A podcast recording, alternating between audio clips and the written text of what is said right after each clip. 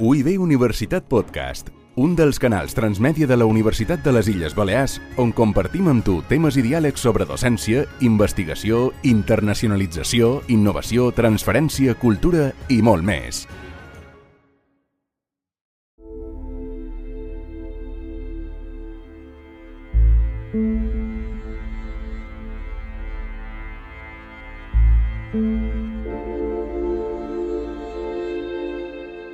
Com es poden generar estratègies per la pau quan una guerra ja s'ha desfermat? Què es podria haver fet abans perquè no esclatés? Com es reconstrueix després un país que ha passat per un conflicte? Pensam en aquestes preguntes quan començam aquest quart capítol del podcast de l'Oficina de Cooperació de la Universitat de les Illes Balears, en quin món vivim, de la sèrie Pacifisme. En Xema González és a la part tècnica i vos parla David Oliver Ramon. Vos explica el full de ruta. Sentireu l'entrevista que realitzàrem en un espai exterior de la universitat en presència de públic a Grecia Eugenia Rodríguez Navarro, una defensora dels drets humans que des de l'any 2014 acompanya comunitats en la defensa de la terra i de l'aigua de l'estat de Zacatecas, al centre de Mèxic. El seu testimoni encarna el d'altres dones implicades en causes d'aquestes característiques defensores dels drets humans que treballen en entorns violents, de persecució, d'amenaces. Moltes d'elles han estat fins i tot assassinades. Com pateix Grècia totes aquestes violències i on queda la idea de pacifisme en aquest context? Després sentirem algunes declaracions de Jordi Armadans. Ell és politòleg, periodista i director de Fundipau, la Fundació per la Pau, i també algunes declaracions de Justin Caixara. Ell és cooperant congolès que va veure passar una guerra darrere l'altra en el seu país des de que era nin. Indagarem amb ells sobre quines eines té el pacifisme per respondre en contextos on sembla que només queda lloc pel diàleg de les armes i també sobre el lloc que ocupa el pacifisme en la societat actual. Aquesta és la nostra proposta. Començam en un assolellat dia de desembre en què obrirem els nostres micròfons a l'entrada de l'edifici Ramon Llull de la Universitat. Ara vos presentam en Grecia Eugenia Rodríguez Navarro, defensora de drets humans que des de l'any 2014 acompanya comunitats en la defensa de la terra i de Saigo, de l'estat de Zacatecas.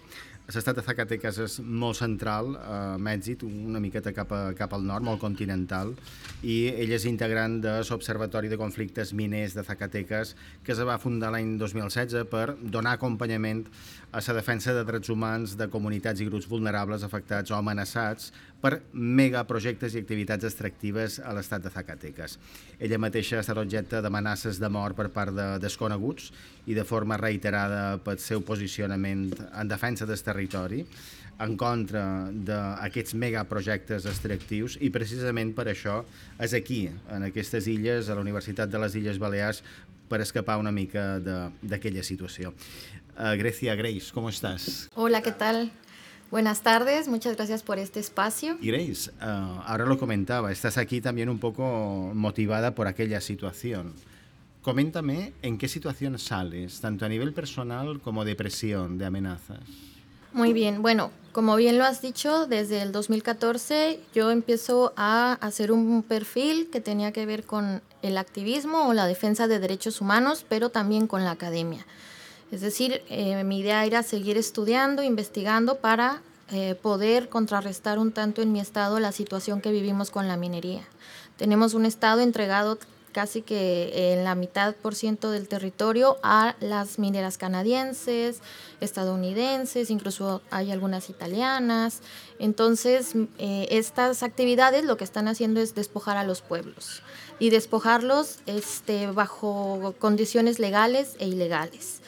En ese escenario es que me planteo hacer un observatorio de conflictos mineros. Después de eso empiezo como los pueblos también empiezan a buscarme. Entonces empezamos a hacer campañas para eh, desmontar a todo el modelo minero en general y eh, posteriormente se viene el proceso que me ha traído como ahora sí todo el proceso de amenazas, de persecución política que es por la presa Milpillas que promueve el gobierno del estado de la mano de algunas eh, inversiones también extranjeras, como es el Grupo Modelo, quienes se han acaparado el agua de, de Zacatecas, que tiene 260% de déficit hídrico. Es decir, en Zacatecas eh, tenemos agua dos o tres veces por semana y todo el resto no tenemos agua o el agua está contaminada. Entonces son varias problemáticas las que me hacen a mí, aparte de que soy de allá, este, eh, eso es lo que me hace centrarme en eh, la defensa y el acompañamiento. Empiezo a investigar sobre la presa Milpillas, voy descubriendo cosas y señalándolas, empiezo a descubrir que la presa en realidad tiene intereses económicos para otros capitales, descubro todos los los contratos de empresas y de negociaciones que había con el gobierno del estado, tanto a empresas como a personas físicas, ¿no? que tenían ya entrega de dinero para que se hiciera el proyecto. Lo empiezo a denunciar, el movimiento empieza a crecer, es decir, empezamos con un ejido. Un ejido son eh, territorios que después de la Revolución Mexicana se entregaron a las y los campesinos. Y actualmente el 53% de México está en manos de campesinas y campesinas eh, campesinas y campesinos indígenas o no indígenas. Entonces, eh, a partir de ver la problemática y ver que querían, eh, pues ahora sí que desterrar a la gente que vive en estos ejidos para construir la presa, se empieza a hacer un movimiento más grande y más grande. Entonces, como yo empiezo con el tema de señalar lo que estaba pasando, el Estado empieza a tener una enemiga principal, que en este caso era yo. Entonces empezaron a hacer una campaña primero de desprestigio en mi contra, el gobierno estatal. Después, eh, bueno, y por esto me refiero a incluso poner mis datos en las notas periodísticas. Algo importante que señalar es que en el norte del país no tenemos muchos medios libres. La sociedad civil está por lo general también ligada con el Estado tanto por tema de educación, de derechos de las mujeres, eh, ¿cuál otro? Migración, porque somos un estado con mucha migración a, Estados Unidos, lo cual hace que también pues, nuestra economía sea muy dependiente, ¿no? Entonces, en este contexto es que empiezan las amenazas y empieza a subir como ahora sí que la incidencia, ¿no? Eh, persecuciones, em, me han llevado unas coronas fúnebres de muerto con mi nombre, eh, también me han perseguido, tomado fotos afuera de mi casa, han perseguido a mi familia. Y todo esto pues para dejarte inmóvil, ¿no? Para que ya no seas la que esté, esté dando voz o señalando lo que está pasando. En el 2019, justo por todas las amenazas, también pensando en mi familia, porque yo vivo con mi mamá y mis hermanas, decido salir de Zacatecas, que era pues siempre había vivido en Zacatecas, y me voy a Ciudad de México pensando en que pues eh, quería que ya no ponerlas en riesgo, sigo en, el, en la defensa con el movimiento, pero lo empiezo a hacer desde afuera.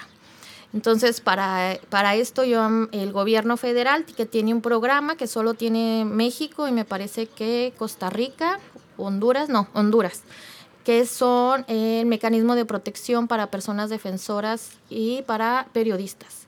Entonces me meto en este, bueno, solicito estar incorporada porque quería también elevar el, eh, mi perfil, ¿no? De decir, bueno, no es lo mismo, porque ellos decían incluso que yo era la que llegaba a agredir, que yo estaba eh, pues agrediendo en los territorios, ¿no? Entonces, después de eso, me, en una asamblea también me intentaron llevar detenida, me golpearon. Y después de eso, pues salgo otra de Zacatecas, me voy a Ciudad de México, y empiezas a vivir lo que es vivir literalmente en el exilio de tu tierra, ¿no? Porque pues todos los sabores, los olores, la gente, todo es distinto, problemas psicológicos, pero eh, la verdad es que a partir de ahí empecé a tener un acompañamiento con otras organizaciones, principalmente este, pues, internacionales como Frontline Defenders, la iniciativa mesoamericana de, de defensoras, eh, brigadas internacionales de paz, entonces me empezaron a apoyar, ¿no? Para dar acompañamiento a lo que estaba yo haciendo, a la situación de Zacatecas, incluso lanzando o mandando cartas al gobierno del estado, ¿no? Sobre la situación, cosa que ha sido omisa. Es decir, el gobierno parece que, parece que estamos enfrentando una lucha inexistente. Es decir, ellos nos, nos, nos eliminan totalmente del panorama. Eh, incluso es más probable que nos publique una nota un el gobierno federal, bueno, a nivel federal o a nivel internacional, a que el propio Estado cubra la nota de lo que está pasando, ¿no? ¿Por qué? Porque a partir de todo esto ha habido, han intentado comprar voluntades, eh, muchas veces mandan grupos criminales que también van pagados para amenazarnos, para amedrentarnos, para que la gente no salga a votar a las asambleas.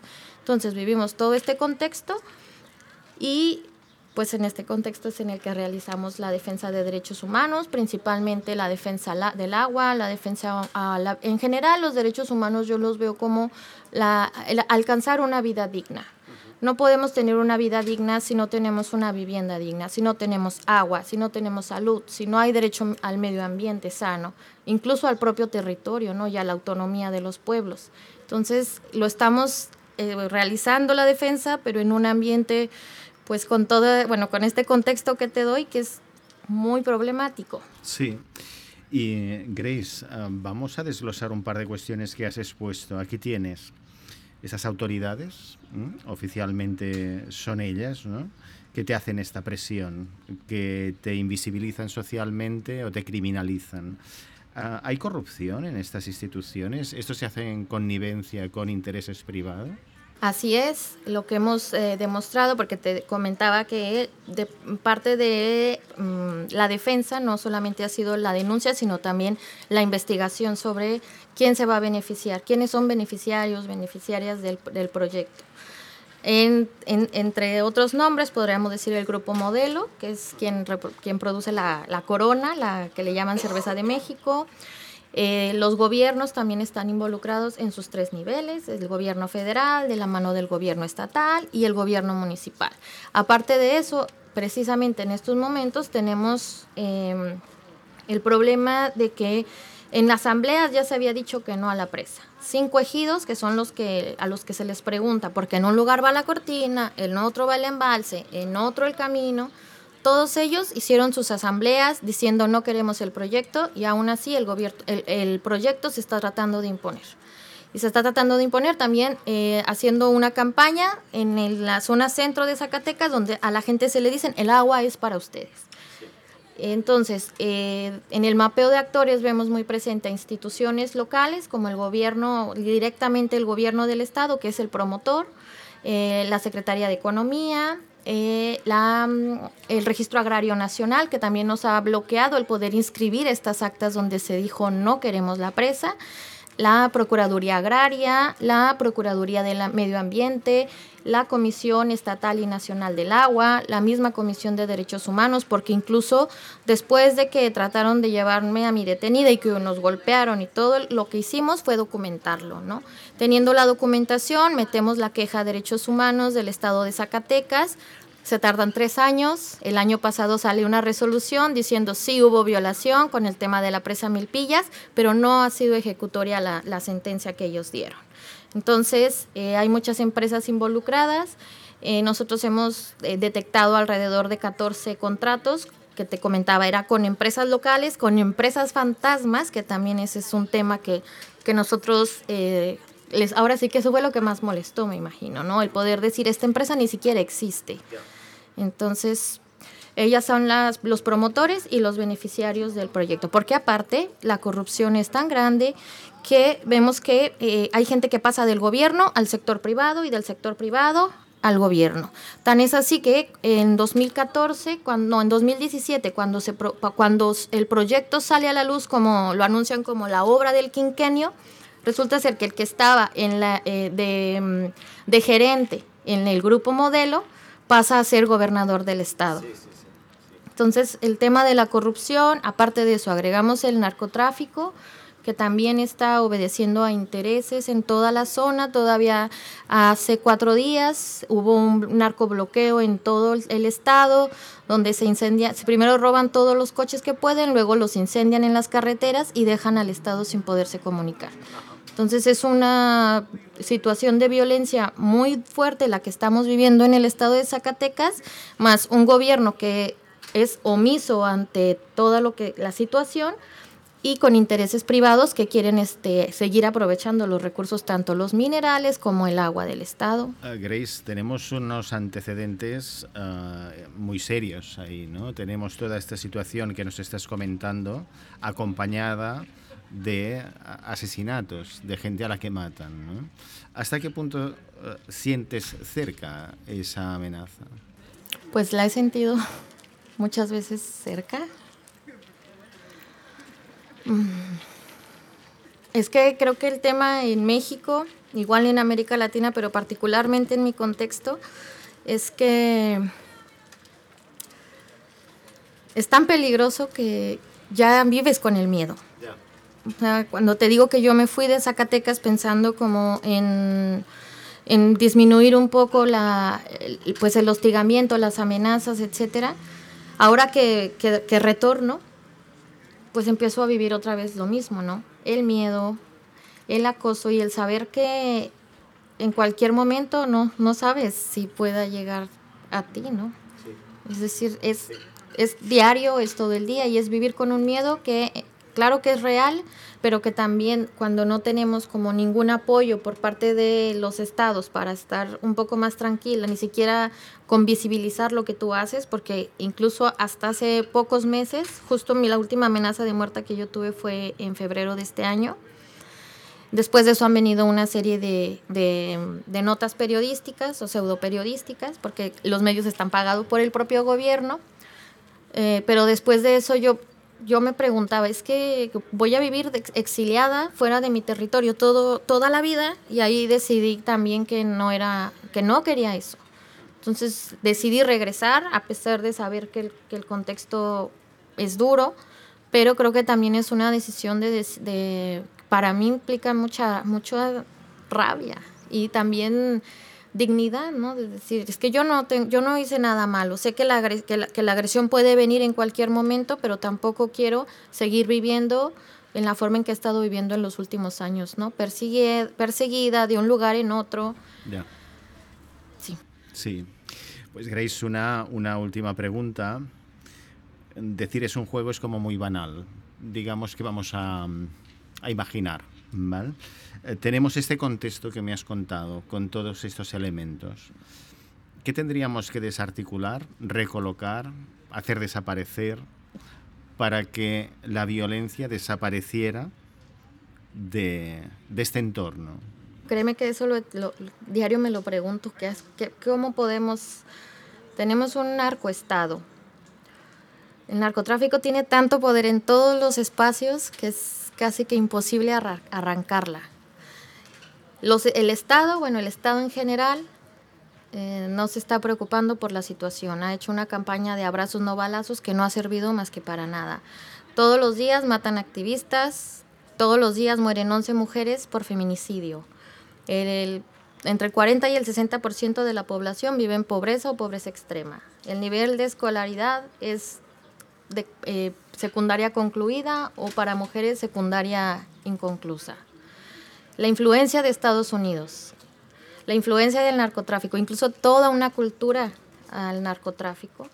Entonces, créeme que es más bien estar, estar luchando contra, contra corriente.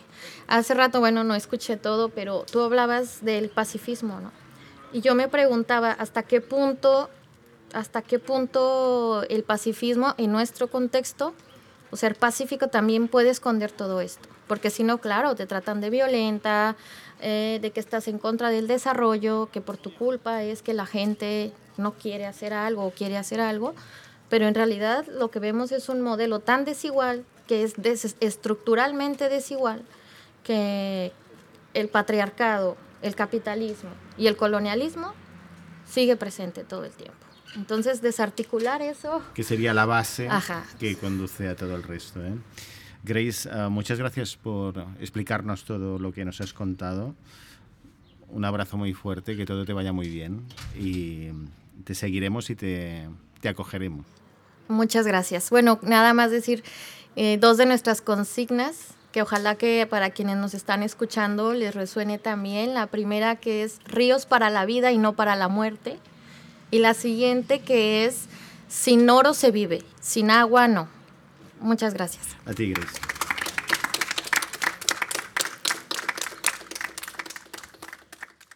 La conversa en Grècia, per ser francs, ens ha deixat pensatius. Com construir la pau quan tants elements conviden a la violència? Jordi Armadans, director de Fundipau, ens en dona una mirada transversal. La pau, al final, és un, és un resultat de moltes coses, no? És a dir, que si els drets humans, si la institucionalitat, eh, si el que seria doncs, el crim organitzat, si tot això falla i està present, doncs, òbviament, és molt difícil fer polítiques de pau, perquè d'alguna manera eh, la pau és això, és resultat de, de, de promoció de la justícia, de promoció de la llibertat, de rebuig de la violència, de canals efectius de participació democràtica, són moltes coses que han de funcionar perquè realment la pau sigui possible. No? Bueno, això ens, això ens, ens porta a aquella cosa que sempre diem, no? que la pau no és només absència de, de violència, sinó també és afirmació de justícia, de llibertat, de democràcia, i per tant treballar de forma efectiva per tot això és també treballar per la pau d'alguna manera. No podem evitar enfocar el tema cap a la guerra a Ucraïna. Més enllà d'aquest treball social integral que comenta en Jordi, que es podia haver fet des de la política per evitar o fer menys probable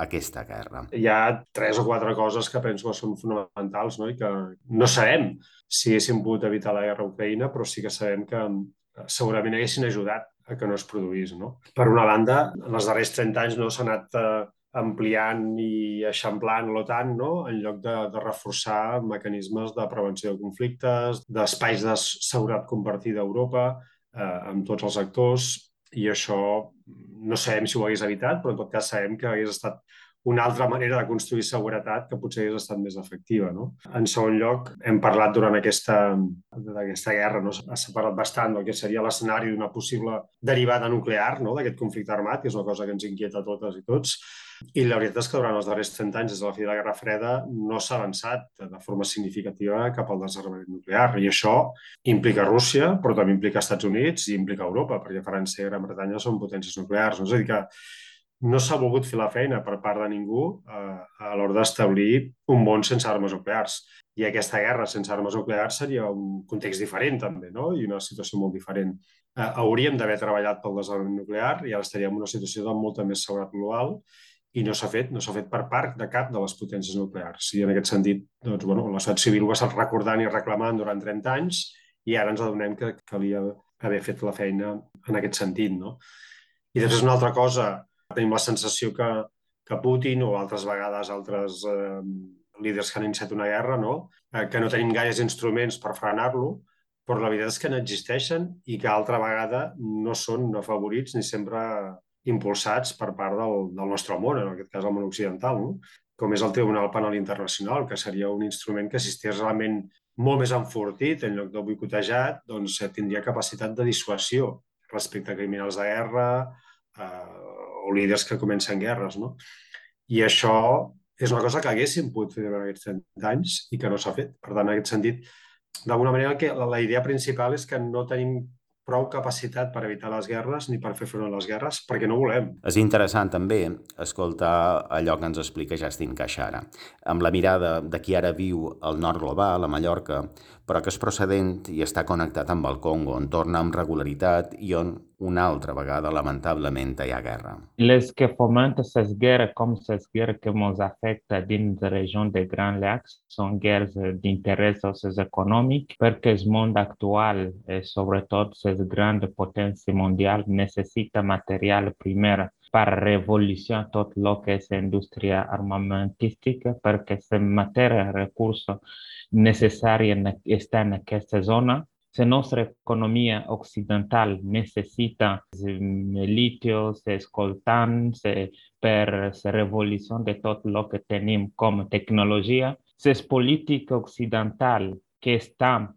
fe campania de politică de energetică, política medioambiental, necessita material que venen d'aquesta zona. Entonces, quan hi ha demanda, molt creixent interès econòmic, mira, se, se crea aquesta guerra d'interessos que afecta molta, molta de població. Ara en dia, en el Congo, té un 80% d'aquest recurs natural. Estem comptant més de 6 milions de morts i guerra segueixen amb una silenci absoluta de la comunitat internacional perquè ells mateixos estan interessants. No hem vist una reacció e una solidaritat com lo que viste per el poble ucranesos i eh, a Rússia, aunque condemnem eh, tota sorta de guerra sigui el que sigui. Però la guerra ha començat. Què proposa el pacifisme per sortir-li a camí?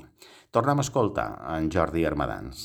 Fer una mica al revés del que potser s'està fent ara, no? En lloc d'allargar el conflicte, intentar aturar-lo quan abans millor. Primera perquè ens estalviem morts i patiments, que això és el que hauria de ser prioritari amb un, a l'hora de posar fi a una guerra. Però en segon lloc, perquè com més es compliqui la guerra i més drames hi hagin, més difícil és que totes les parts eh, acceptin de posar-se d'acord amb alguna sortida. No? Intentar per totes les vies eh, mirar d'afavorir algun tipus de sortida mínimament negociada en aquesta situació eh, és imprescindible. Sobretot tenint en compte que pràcticament no hi ha cap conflicte armat que no acabi tard o d'hora amb una taula de negociació més o menys secreta, més o menys eh, acceptable o no acceptable, però en qualsevol cas sempre acaba un espai de negociació. I torna a Justin Caixara. Quan acaba la guerra, quines són les claus per reconstruir un país on la guerra ha causat tantes pèrdues i ressentiment? Els elements clau per reconstruir un, un país que, passa, eh, que ha passat de guerra, primer, que aquest líder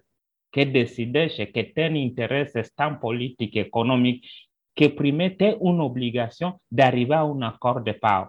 Un accord de paix sincère et réel con un compromis de reconstruire la paix. Second, se crée la commission pardon et réconciliation pour sentir que sommes, sommes aiment de vivre en eh, un territoire non mosquée dans un autre territoire. Nous avons ces options. Se crée cette commission à tous les niveaux, commençant à se barrer mes petites fins a escala eh, governamental.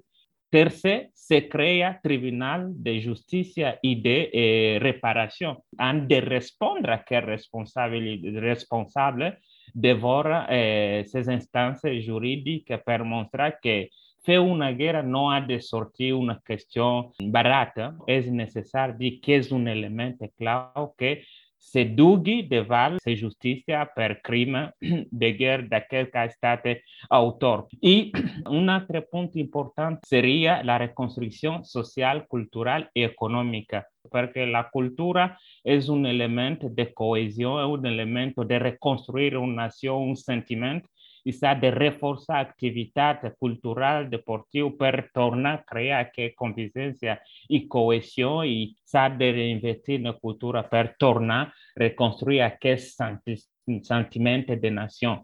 I econòmic, bon, no sé quants milions i durant quants anys si Europa tant, tanta diners per enviar a Ucrânia i no sé què, és decisió d'europeus, però no sé quant de milions tenen per tornar a reconstruir el teixit econòmic d'Ucrània, les infraestructures, els hospitals. Passarem molts anys perquè Ucrània pot reconstruir-se tornar a construir un estat democràtic que respecte els drets humans i libertà d'expressió que permet permette mitjans de comunicació fer lliurement la seva feina que ciutadans poden opinar i votar tranquil·lament. Ens volem quedar amb una resposta a la pregunta que ens fèrem des del primer capítol d'aquesta sèrie.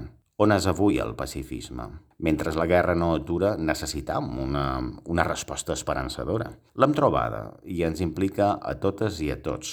Jordi Armadans ho explica així. Si fem una foto de dir on està el moviment per la pau com a tal, això amb, amb, entitats, amb activistes al carrer i tal, eh, és una part petita, jo diria, del dibuix. Una de les coses importants que ha passat els darrers 30 anys, almenys en el nostre entorn, eh, és a dir, altres països europeus ha estat moments diferents, però és que el, el treball per la pau s'ha anat eixamplant, s'ha anat eh, posicionant en molts àmbits i d'alguna manera coses importants que passen en l'àmbit de pau eh, no les lidera el moviment per la pau i això em pare és molt important. No? De fet, quan un moviment, les seves reivindicacions les van amarant a nivell social, és quan segurament ha tingut més èxit, no? encara que com a moviment sigui petit. No? I això, per exemple, en els darrers 30 anys hem vist com fa 30 anys una persona que volia estudiar temes de pau doncs havia d'anar a Europa no? o havia d'anar a altres països perquè aquí no hi havia. A hores d'ara ja doncs, a la universitat, postgraus, màsters, llicenciatures, graus, que tenen eh, molt a veure amb tema de gestió de conflictes, amb temes de cultura de pau, etc etc. No? Per tant, hi ha una formació en l'àmbit de pau a nivell acadèmic que fa, fa anys era impensable i ara està totalment normalitzada. No? En el món de l'esplai i l'escoltisme, el tema de l'educació per la pau està super eh, incorporat i és com un element constitutiu i fa anys això potser era més, eh, doncs, més de nuclis més petits, no? O el DENIC, no? el, el Dia Escolar per la No Violència i la Pau, que, que, que va impulsar en Llorenç Vidal, el mallorquí, doncs avui dia és una realitat, per exemple, a Catalunya és una realitat que pràcticament tots els centres d'ensenyament de Catalunya doncs, el dia al voltant del TENIP fan activitats, no? I això abans doncs, potser era només tres o quatre professors i mestres molt activistes i a hores d'ara és una realitat molt present, no?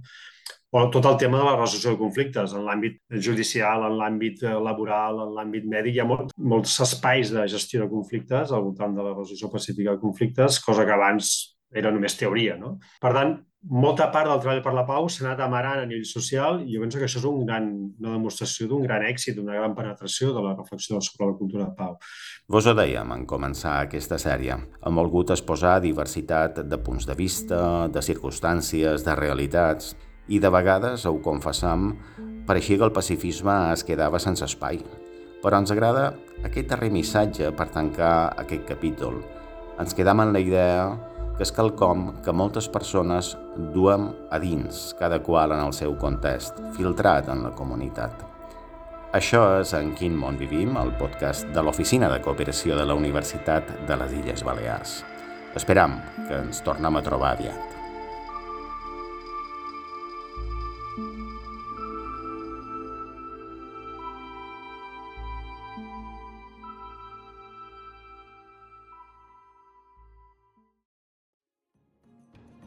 UIB Universitat Podcast, un dels canals transmèdia de la Universitat de les Illes Balears on compartim amb tu temes i diàlegs sobre docència, investigació, internacionalització, innovació, transferència, cultura i molt més.